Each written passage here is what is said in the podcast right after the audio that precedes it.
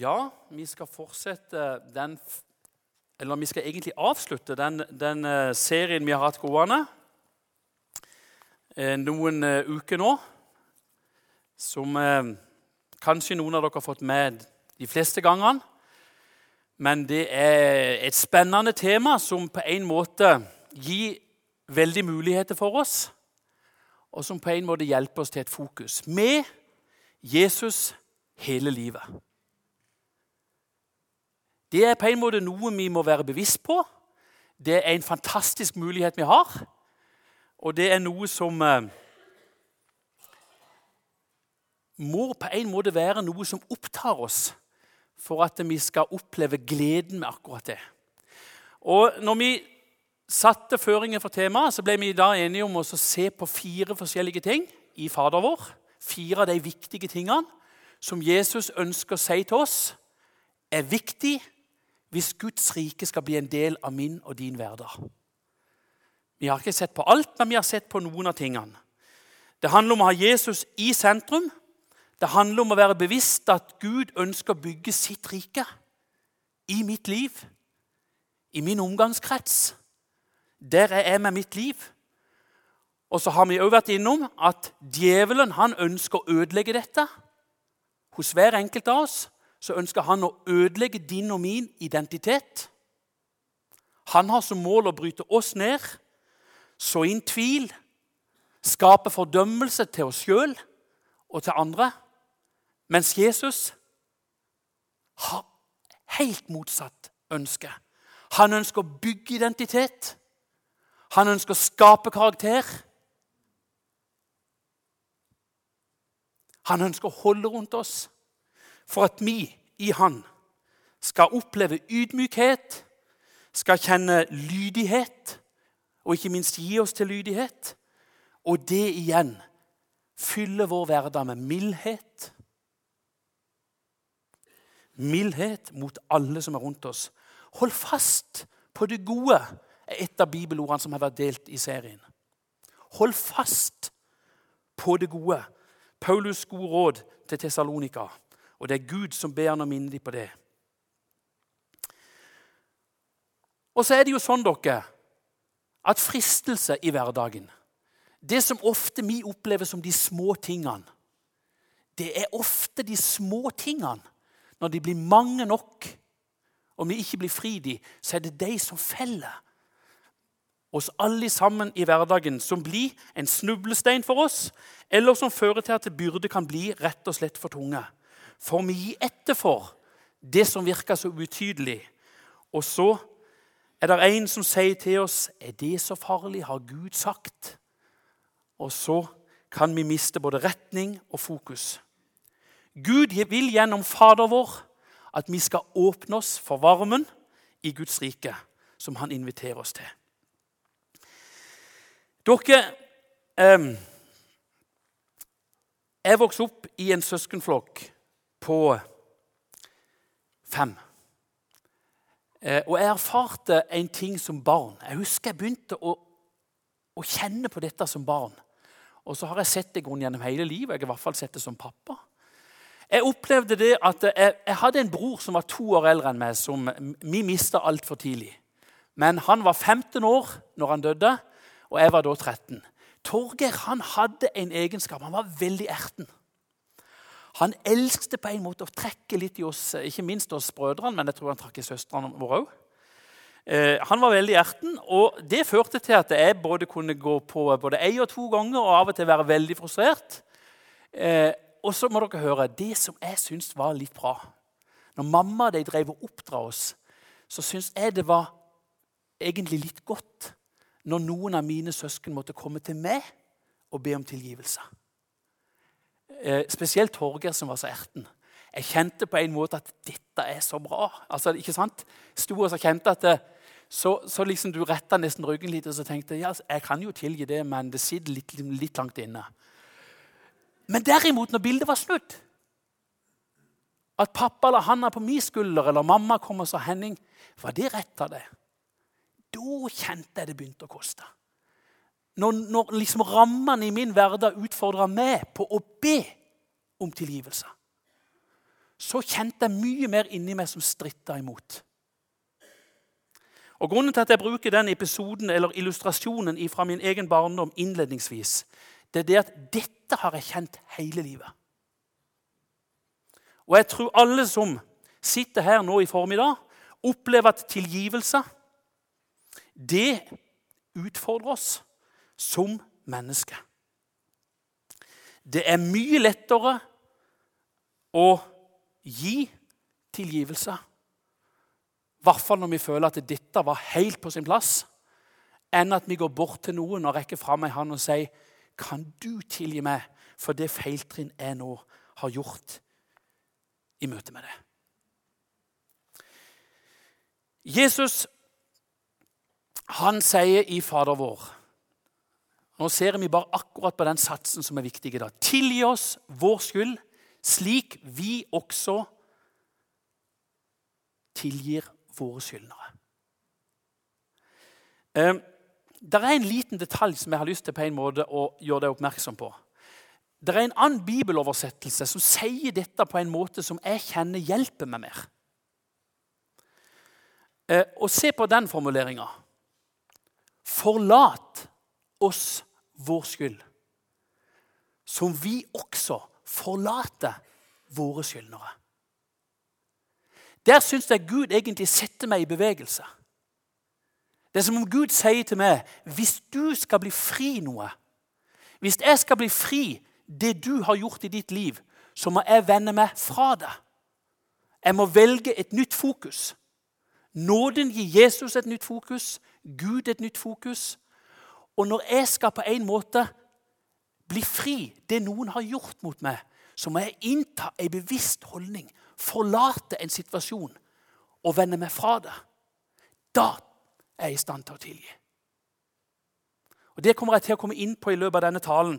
For det er på en måte en sånn Kall det en god gymnastikkøvelse i forhold til det noen har gjort, og til måten du velger å gå videre på i ditt liv. Vende seg fra det, det skaper noe. Det er to forhold som er viktige for at vi skal leve fri som mennesker. Det viktigste for oss innledningsvis, det er at vi går til Gud med alle våre nederlag og hele vårt liv. Dersom vi bekjenner våre synder, sier Johannes, er han trofast og rettferdig, så han forlater oss syndene og renser oss fra all urettferdighet. Overalt i Bibelen og overalt der Jesus gikk fram mens han levde, så var det denne varmen og denne tryggheten han ønsker å gi til de mest falne. Derfor er det jo ikke rart at Jesus ble toller og synderes venn. For alle som satt i vanskelige situasjoner, de hang etter Jesus. Her var det én de kunne legge byrden av hos og begynne å leve. Så forholdet opp til Gud det er på en måte et lite vendepunkt, et lite rop om hjelp. Så kan du bli fri. Han forlater syndene. Han er trofast, og han er rettferdig. Det har jeg altså gleda meg så mange ganger, og jeg vet det kommer til å glede meg mange år til hvis jeg får leve. At han er villig til å forlate det jeg skulle gjøre i mitt liv. Og så sier Jesus når, den, når linja opp til meg er i orden, da har det et naturlig innslag i alle dine omgivelser. I de to første versene etter Fader vår henger Jesus på en konsekvens av Fader vår. Og han gjør det helt naturlig. Der sier Jesus det sånn For dersom dere tilgir menneskene deres overtredelser, da skal også deres himmelske Far tilgi dere. Men om dere ikke tilgir menneskene deres overtredelser, da skal heller ikke deres far tilgi det dere har forbrutt. Altså Jesus sier du kan ikke på en måte komme til meg for å bli helt fri, og så, så, så binder du og så låser du situasjoner rundt deg der du kan skape frihet. Tilgivelsen flyter ut i vår omgivelse og blir en konsekvens av et fritt liv. Og Gud sier det er faktisk en betingelse for den som vil være en kristen.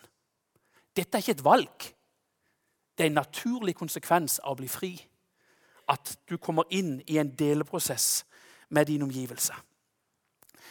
Dere, Jeg skal ta et lite avsnitt nå, og så, og så velger jeg å lese det. Rett og slett fordi jeg vil, jeg vil ha med et bilde Jesus bruker. Eh, Peter han kommer til Jesus, der Jesus underviser på en måte om denne situasjonen. Og så, så, så legger Peter fram en problemstilling. Han lurer liksom litt på hvor mange ganger skal jeg måtte på en måte tilgi min bror. Det står i Matteus 18 og fra vers 21. Og hør godt, for Jesus han, han lager et bilde. Da gikk Peter til ham og sa, 'Herre, hvor mange ganger skal min bror kunne synde mot meg, og jeg tilgi ham?' Inntil sju ganger. Han syns han tar godt i, og det gjør han egentlig òg. Men hør nå. Jesus sa til ham, 'Ikke sju ganger, men 70 ganger sju.' Derfor er himlenes rike å ligne med en konge som ville gjøre opp regnskap for tjenerne sine. Nå kommer det en lignelse, et bilde av Jesus. Nå vil han hjelpe Peter. Da han begynte med oppgjøret, ble det ført fram for ham en som skyldte 10 000 denarer. Nei, 10 000 talenter. Men da, men da han ikke hadde noe å betale med, bød Hans Herre at han skulle selges, han, hans kone og barn, og alt han eide, og gjelden betales. Tjeneren kastet seg da ned for ham og sa, 'Ha tålmodighet med meg, så skal jeg betale deg alt sammen.' Herren hadde da inderlig medynk med denne tjeneren. Han løslot ham og etterga ham gjelden. Men da tjeneren kom ut, møtte han en av medtjenerne sine som skyldte han 100 denarer. Han grep fatt i ham, tok strupetak på ham og sa, 'Betal det du skylder. Jesus beskriver menneskenaturen. Medtjeneren falt da ned for ham, Bønn falt ham og sa, 'Ha tålmodighet med meg, så skal jeg betale deg.' Men han ville ikke. Tvert imot. Han gikk av sted og fikk kastet ham i fengsel. Der skulle han sitte til han hadde betalt for alt han skyldte. Men da medtjenerne hans så det som hendte, da ble de svært bedrøvet. De gikk og fortalte sin herre alt som skjedde. Da kalte hans herre ham for seg og sa.: Du onde tjener, hele gjelden din etterga jeg deg fordi du ba meg. Burde da ikke også du vise barmhjertighet mot medtjeneren din, slik jeg viste barmhjertighet mot deg? Og hans herre ble vred og overga ham så til dem som piner, inntil han hadde betalt alt han skyldte. Slik skal også min himmelske Far gjøre mot dere, om ikke hver og en av om ikke hver og en av hjertet tilgir sin bror. Her er det noen viktige poeng. Vi skal bare se på noen få viktige poeng. Jesus ønsker å si til alle oss du må ikke drive og føre regnskap i ditt liv. Da kommer du helt ut å kjøre. Hvis du begynner å føre regnskap mot andre, så kommer du helt ut å kjøre. Men still deg villig til å tilgi, og tilgi dine omgivelser. Det ønsker Gud og at vi skal ha et fokus på og få hjelp til. Nå skal dere høre det bildet Jesus egentlig viser. Én denar dere, det er ei dagslønn. Én talent er seks 1000 denarer. 10 000 talenter er 60 millioner dagslønner. Ser dere bildet Jesus egentlig viser? Jesus viser at det er den som kjenner på en byrde, en syndebyrde i livet som du ikke har mulighet til å gjøre opp sjøl. Syndebyrden. Når du er blitt fri den, i ditt eget liv, da har du alle muligheter til å vise raushet og nærhet med de du har rundt deg i hverdagen. Du kan gjøre opp, og du kan skvære opp. Eh, Jesus har betalt din regning, Og han har betalt henne for oss alle. Og han har betalt henne òg for den som du kanskje opplever trødde feil. Han har kasta alt ditt i glemselens hav, og den som står foran det, han lever under den samme varme, blå himmel, nådehimmelen.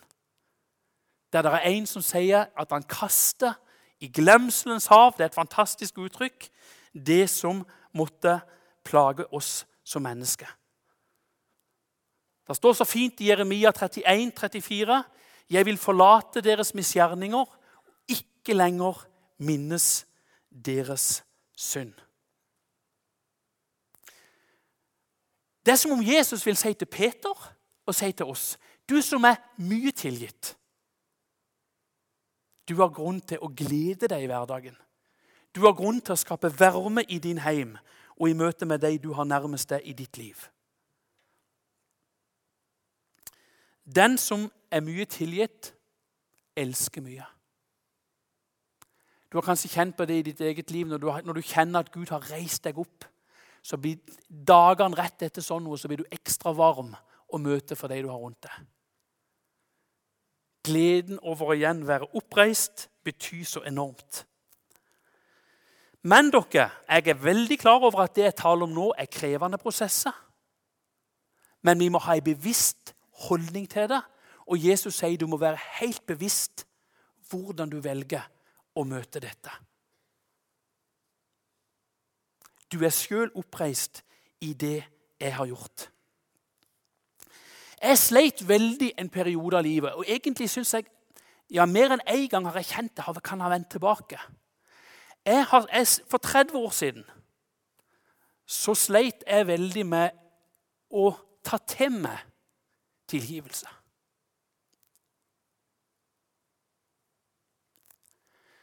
At mamma og pappa og at mine søsken tilga meg noen vonde år.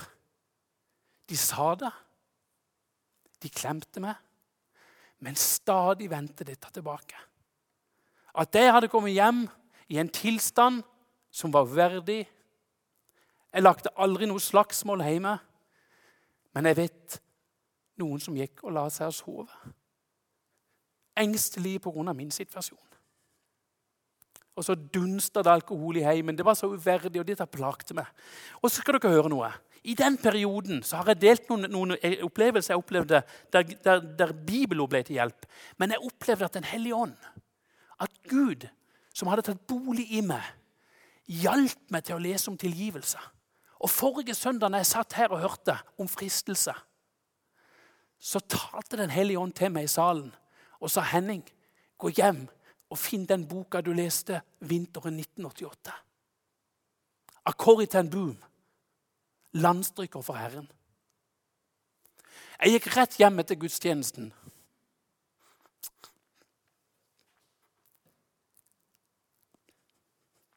Corrie ten Boom var nederlender. Hun vokste opp like før krigen. Hun var med å gjøre en innsatt innledningsvis i krigen betydde hun mye for jøder.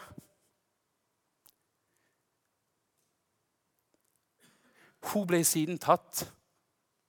Hun måtte inn i en tysk konsentrasjonsleir, Ravenbrück. Hun forteller i boka si at i det fangenskapet så mista hun søstera si. De holdt sammen så lenge de kunne. Så døde hun. Og Så forteller hun at eh, i 1947, to år etter krigen, så var hun i Tyskland. Hun hadde begynt, å, hun hadde begynt med, et, eh, med, et, hjem for mennesker i Nederland, der hun ville hjelpe ofre fra krigen. Og I det arbeidet så, så hun en ting, skrev hun. At de som var i stand til å tilgi sine tidligere fiender de var de som ble i stand til å vende tilbake til livet, til samfunnet og til de mulighetene som lå foran dem. De som valgte å bli værende i bitterhet og nesten pleie bitterhet, de ble invalide. De ble åndelig og fysisk helt nedbrutt. Hun sier i boka si så enkelt og grusomt er livet etter en krig.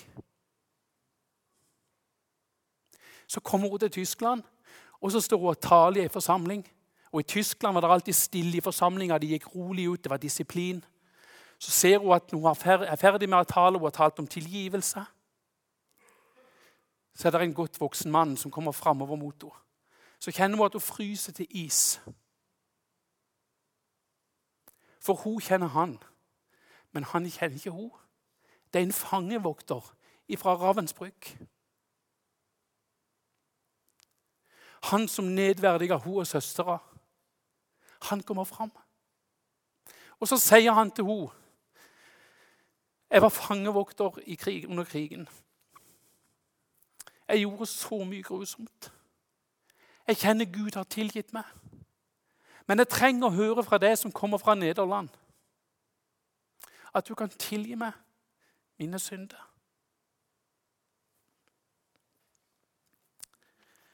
Så sier Corrie ten Boom, der hun står Han står med ei fremrakt hand. Hun står og ser på handa, og sekundet oppleves som mange minutter. Så sier hun Jeg sto med et hjerte som en isblokk. Men tilgivelse er ikke følelse. Det visste jeg. Tilgivelse er en viljeshandling. Og viljen kan handle uavhengig av hjertets temperatur. Hør hva hun skriver! Hun styrer tanken sin. Jesus, hjelp meg, ba jeg inni meg. Jeg kan rekke frem hånden.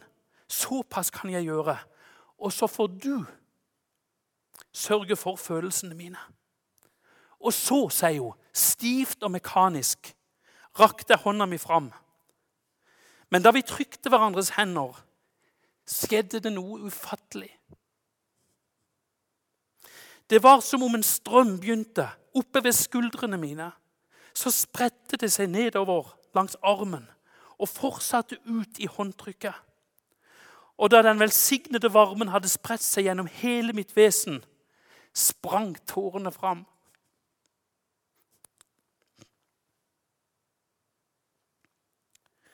Jeg tilgir deg, bror, utbrøt jeg. Jeg tilgir deg av hele mitt hjerte. Søstera er død. Hun hører og sier, og på en gi henne tilgivelsen. Gud gjør det gjennom henne. Is smeltes. Kulde fordrives. Og Corrie ten Boom opplever noe utrolig. En lang stund ble vi stående der i et varmt håndtrykk. Den tidlige fangevokteren og hans tidligere fange. Jeg hadde aldri før kjent Guds kjærlighet så intens som jeg gjorde da. Jeg var så uendelig klar over at den ikke var fra meg. Jeg hadde prøvd, men ikke maktet det. Det var Den hellige ånds kraft, slik som det står i Romerbrevet 5. Guds kjærlighet er utøst i våre hjerter. Det er noe nytt som har tatt bolig, og som i en sånn situasjon kan skape noe helt nytt og noe helt uvurderlig.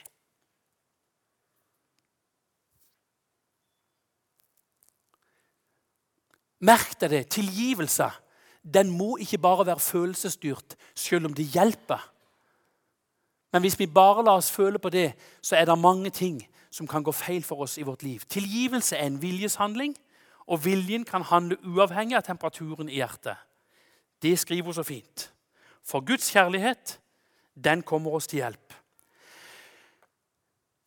Er, for meg er dette noe av det sterkeste jeg har lest om tilgivelse. Men dere skal dere høre noe interessant. For denne, denne misjonæren eller forkynneren er så åpen med det som på en måte er utfordring i livet. Der alle vi er.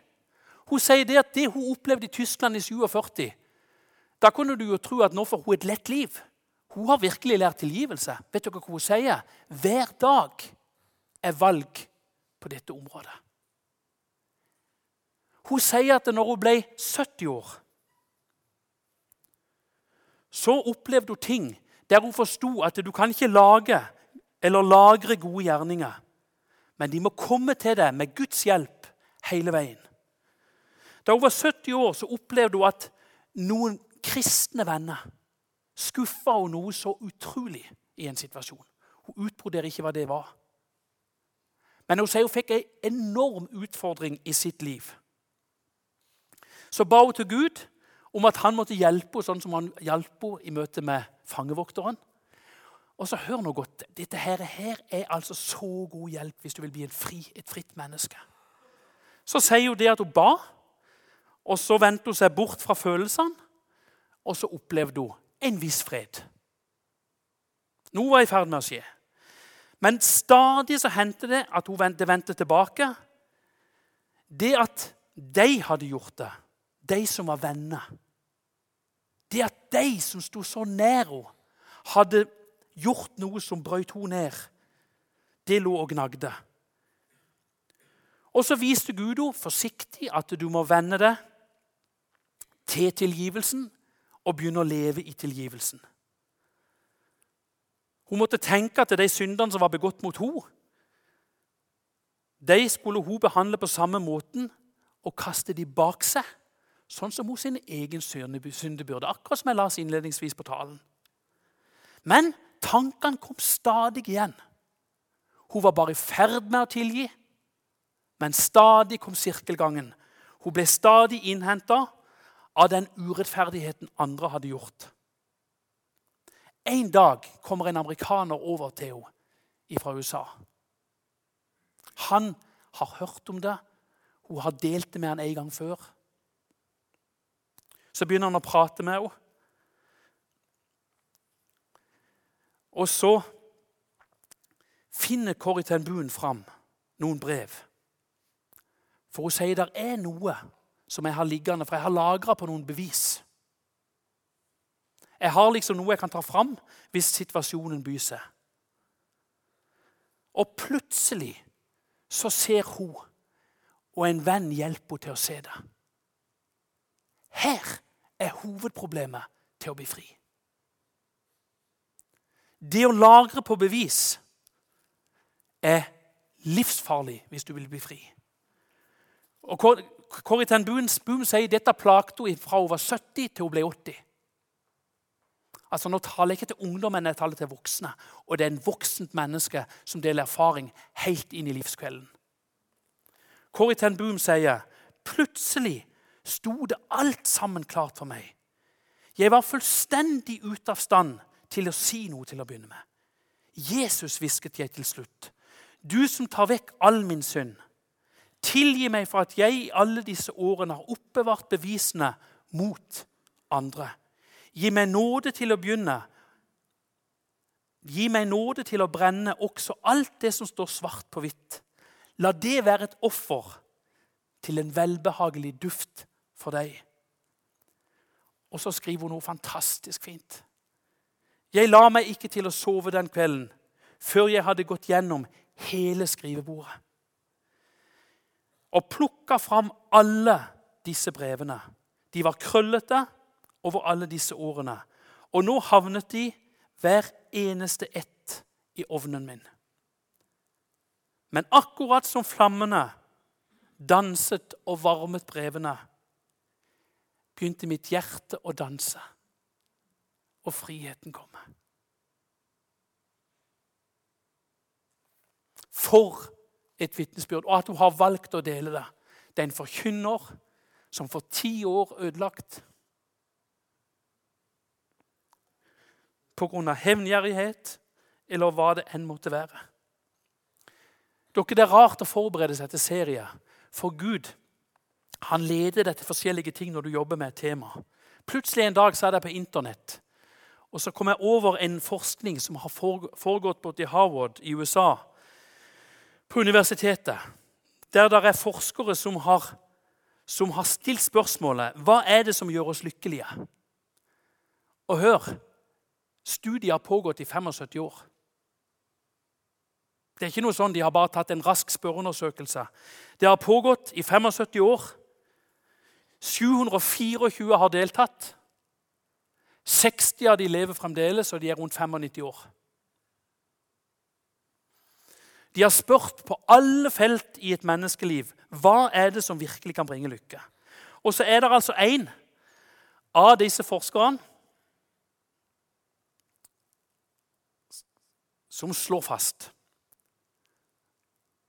en klokkeklar konklusjon.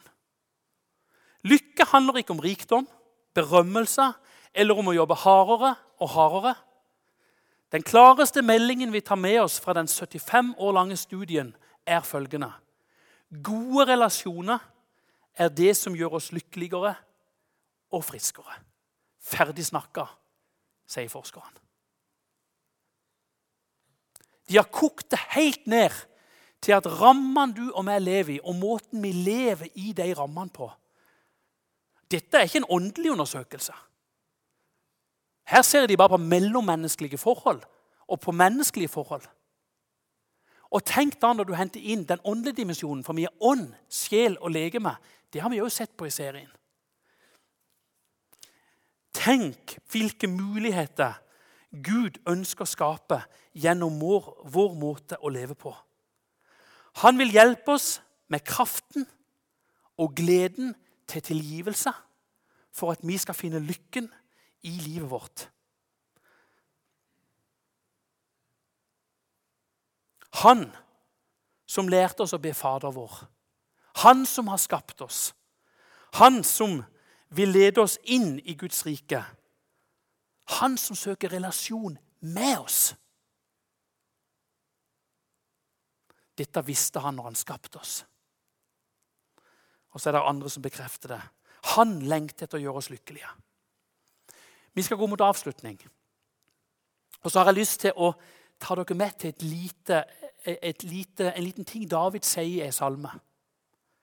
I Salme 23 så sier David noe som høres veldig fint ut. Men det er veldig fint, og det er det jeg har lyst til å vise deg, eller sette fokus på nå. Han sier det sånn Bare godhet og miskunnhet skal etterjage meg alle mitt livs dager. Så kan vi gjerne si David, åssen kan du si det? Når vi leser om David i Gamle testamentet, så, så, så tenker jeg Kan kong David si det? I enkelte situasjoner syns noen det kan nesten være godt å lene seg litt på David. For han trødde jo virkelig feil. Han brøt seg inn i et annet ekteskap og tok en annens hustru. Og liksom For å dekke over det så fikk han han likvidert framme i linja i en krig. Han falt grenseløst dypt. Men David han opplevde ting i sitt liv som hadde med liv å gjøre. Han hadde sterke sider. Han hadde svake sider. Og så valgte han på en måte å gå til Gud. Ikke nødvendigvis med en gang. Det står at Guds hånd lå tungt på han. Men han valgte å gjøre noe. Dag og natt lå din hånd tungt på meg. Min livssant svans som i sommerens tørke. Jeg bekjente min synd for deg, skjulte ikke min skyld. Jeg sa, jeg vil bekjenne mine misgjerninger for Herren, og du tok bort min syndeskyld. Han gikk til Gud med nederlaget, var helt konkret og bekjente, og så ble han fri. Og Så blir den samme mannen med dette fallet, og ganske sikkert flere andre, men det skal vi ikke se på, han ble kalt en mann etter Guds hjerte. Han levde åpent. Det var kanskje noe av det som hjalp han mest i livet. Han bøyde seg, og så ble han virkelig fri. David ønsker på en måte å si oss noe. Godhet, det forstår vi.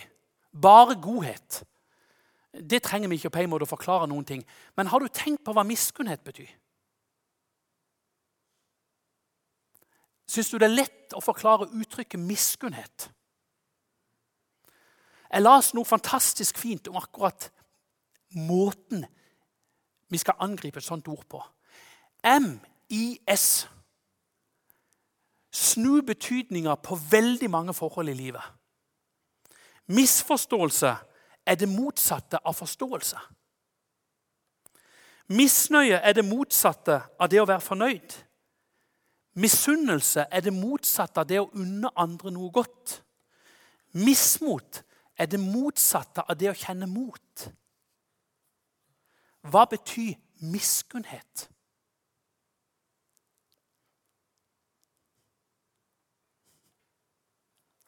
Det må bety mangel på kunnskap. Mangel på kunnskap. Når miskunnhet plasseres sammen med godhet, så vil Gud vise oss én ting. Og det har han vist David. Og det ønsker han å vise det som sitter her i formiddag. At han, den allmektige Gud, etter et oppgjør ikke lenger har kjennskap til det fall du begikk før du ba om tilgivelse. Fikk du med deg akkurat det? Gud ønsker å si at han ikke lenger har kjennskap til det han har lagt bak seg, og som synker i det hav der synda som er tilgitt, landet. Derfor jubler David. Derfor sier David at etter meg så er det miskunnhet folk skal huske. En som Gud reiste opp og viste miskunn. Han har sletta ut alle våre misgjerninger og våre fall fra sin hukommelse. Dere, Det er ikke noe som er finere enn dette. Det er ikke noe som kan skape mer varme i et hjerte enn dette. At det jeg har gjort, aldri skal brukes mot meg den dagen jeg går ut av livet. Da står Jesus der og tar imot. En av de han har tilgitt. Da står han der og holder fast på oss. Og så sier han til oss mens dere lever nå, så må dere holde fast på det gode. Dere må leve i nåden. Dere må hvile i nåden.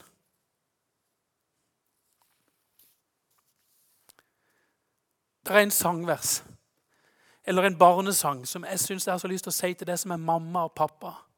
Litt på vegne av barna dine, eller på vegne av ektefellen din. Bygge Guds rike. Bygge Guds rike. Bygge Guds rike her på jord. Mamma, kom og hjelp oss. Pappa. Kom. Bygge Guds rike her på jord. Det er fremrakt til henne. Kjære Jesus.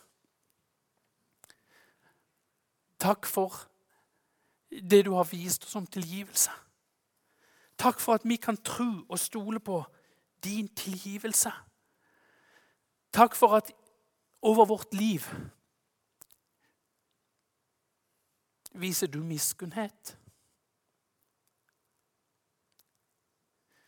Takk at du aldri liker rot i gamle ting, men du ønsker å skape nye ting. Nå ser du Jesus hvem i formiddag som kjenner at dette trengte jeg i mitt liv. Jeg ber for den Jesus som kjenner at jeg er som is innvendig mot noen som de med rette har opplevd noe vondt ifra. Kan du denne formiddagen, Jesus, smelte det kalde? kan du vise at vi må styre vår tanke til frihet. Vi må innta en holdning. Så begynner ei vandring sammen med deg, der du skal hjelpe oss som Corrie ten Boom. At hjertet skal begynne å banke. At varmen skal komme innenifra, og at vi blir virkelig fri. Vær hos hver enkelt Jesus. Vi kjenner at alle sammen trenger vi hjelp til tilgivelse. For å være en del av din varme i Guds rike. Hjelp oss til å bli varme brødre og søstre som kan møtes og møte andre. Amen.